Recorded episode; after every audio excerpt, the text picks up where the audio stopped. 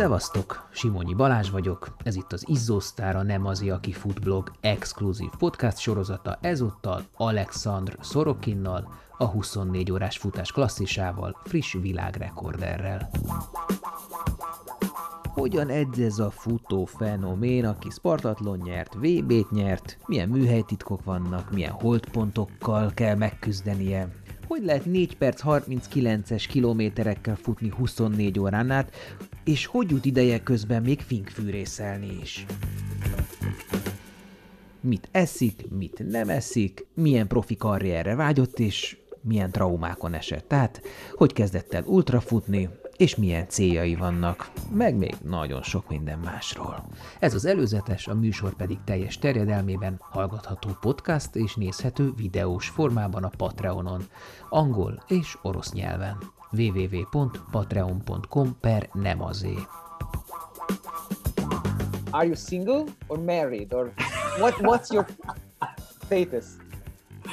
Wow, it's the first first question uh, for all. Uh, okay, I'm married.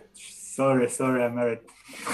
A tolmácsolásban Alexandr testvére Maxim Szorokin volt segítségünkre. Legtöbbször őt halljátok, néha pedig angolul Alexandrot.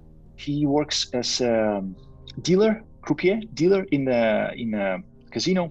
What's the best tactic if I go to a casino? What's the what, what should I do at the roulette table? Best strategy or tactics is not to really go to uh, any casino. Then maybe you'll save some money. He doesn't get, as he mentioned before, doesn't get any uh, any funding from doing sports. So that's why he has to uh, work somewhere else. Well, in a casino as a dealer to uh, get some uh, income. You must uh, got a lot of tips from the players that that makes your living, right? Actually, uh, many people know that I'm ultra runner, but okay. doesn't matter.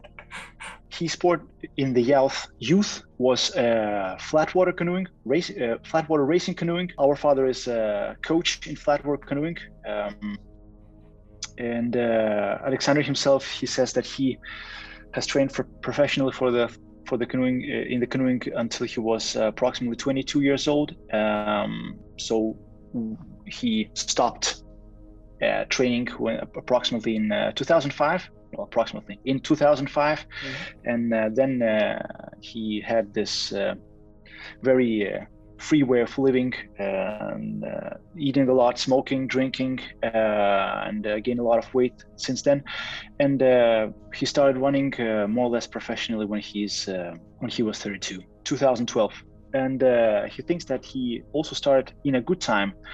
Um, and he again thinks that well, if he would have started, if he had started his career earlier, then maybe he would not have started the ultra marathon because he might be will be he, he might have been uh, tired by then uh, to uh, to run, so to say. He is not capable of, so to say, switching off his mind uh, during the race, and on contrary, he is more concentrated and really focused when running. So he starts by answering that he never attempted to run a marathon as a pro athlete, or at least attempting to run so to say, full speed and uh, intention of showing good time. He always uh, uh, has run marathons as um, tra- uh, as a training session. Probably, if he would attempt to run it as a, so to say, with a full speed and full capability, he would may show 230 for a marathon. One of his uh, so, so so so what he what one of the things he uh, that motivated him was to he wanted just to have a goal uh, not just simply just running, but he wanted to have a goal. And uh, he was not interested in running uh, half marathons or marathons. He was interested in running longer distances. That's why he started with having a, a simple goal of, of uh, running 100 kilometers competition. He says that in 2016 and 2017 uh, there was some uh, his results ha- hasn't improved have not improved. So he was thinking about actually stopping ultra running, and uh, the results in a Spartathlon actually uh, helped him to uh, still maintain ultra running career funny enough, the pandemic itself, uh, because um, his workplace were closed, was closed, and um, uh, hence he uh, managed to live a so to say pro athlete life, basically eating, sleeping, and training. Um, so that obviously helped him to uh, improve his results. There was one first uh, main reason. Another main reason he he got a coach, Sebastian Białobrzeski uh, um, from uh, Poland, uh, Poznan, and um, he also helped him to improve his results. In 2020, um, he has not run any big competitions so he thinks that he could run it also last year that he would had also shown maybe some good results improvement of 100 miles and 12 hours records also gave him a boost uh, for this uh, last competition and uh, he managed to gain some confidence that he uh, he's capable of uh, improving the 24 hours record. Mm. So these are, in nutshell, the reasons for uh, this improvement since the 2019. He says that he's not again against uh, being vegan, and he says that he actually tried that uh, for a half a year before, and he says that he has not noticed much difference between meat diet and diet without meat. And uh, he says, sure, you uh, he uh, he um, has dropped some weight, but apart from that, there was no other there was no other benefits. He never knows when what kind of food will his body would like to digest and eat during the competition. Hence, uh, his strategy is very simple. When he uh, he he just goes to the supermarket and buys wide range of products, but he uh, puts a lot of focus on the junk food and uh, that would be uh, chips and chocolates and different kind of you know fast uh, soups um, maybe some pre-made um, uh, sandwiches with you know white bread and cheese um, also coca-cola uh, in terms of the drinks themselves it again very much depends on the weather but approximately he would consume about 500 milliliters of drinks an hour did Yanis Kouros congratulate you? No. Maybe his wait uh, for doping control at, uh, that confirmed me my world record. Then he's write me some something. Maybe I, I yeah, think. Yeah. So he talks. He says that the conditions were perfect, and uh, he uh, specifically mentions that the weather was was very good. There was no rain, and uh, also he managed to uh, maintain a good balance uh, between uh, in terms of drinking liquids, meaning that he didn't have to spend much time going to bathroom and as well he was uh, very strongly motivated uh, again due to this uh, due to the previous records. So he all in all concludes that the yes the the competition conditions were ideal. And he will he he might attempt to improve the results further.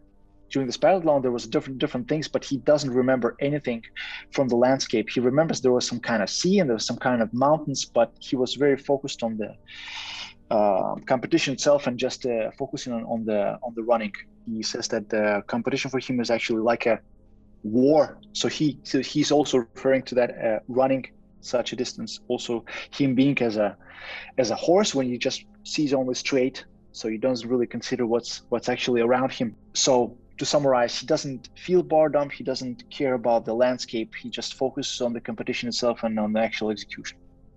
Regarding the training, he says that uh, he thinks that his uh, training volumes are actually less than average for the uh, ultra marathons. He doesn't really run a lot.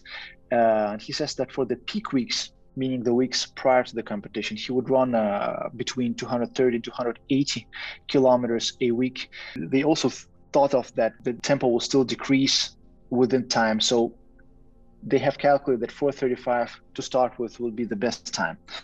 Um, in the start of the competition, uh, they, he Alexander felt himself very well, and um, he actually ran faster than they have planned for. Sanya, is it true that uh, uh, 24-hour running race starts after the 16th or the 18th hour? Yes, it's true. Yes, yes. Because first 12 hours it's warm up, just warm up. Then you look each other. If you can run those last four hours fast, you will be great runner. Yeah. First crisis and uh, the biggest one was approximately seven to eight hours before the end of the competition. His uh, stomach uh, had issues with the di- his body has issues with the digestion, and uh, basically he could not eat anything. Um, so obviously the the speed has dropped uh, drastically, but he managed to overcome that. So basically just uh, drinking carbonated water, and he was really tired. But what helped him to overcome this second smaller crisis was that he um, thought that he might break the world record and that motivated him to overcome that second crisis uh, in a so to say easy way. It happens that the record sometimes stands for years, and then as soon as someone breaks it, then everybody thinks, "Well, I can do this uh, I can do it as well," and hence a lot of people will uh, achieve similar results uh, in a very short time after the record has been uh, broken. Yeah, he just likes running, and he uh, likes the life of a, of an athlete and uh, he just wants to show himself that he can achieve some can achieve something and he also wants to show others that they everybody can achieve something in their uh, life or in their uh, sportsman career. And he just likes to see uh, would like to see himself achieving uh, better results. So his message to all the uh, hungarian sportsmen ultra runners and sportsmen he actually says this said that that all the limits are in our heads and we can definitely do more than we actually think Ez volt az előzetes, a teljes beszélgetést a Patreonon érhetitek el. Érdekel ez az adás, a jövőbeliek, az eddigi nagy interjúk vagy a másik három tematikus futó podcastom, a Laza tízes, a Büntetőkör és a Versenyközpont. Akkor szállj be a finanszírozásba, legyél támogatója a tíz éve fennálló Nem azért, aki fut blog és podcast működésének, és férj hozzá további extra tartalmakhoz is írott, vizuális vagy hangi formában – amik a futás vonzás körzetében levő izgalmas és értékes alakokról, témákról készülnek. www.patreon.com per nem azért.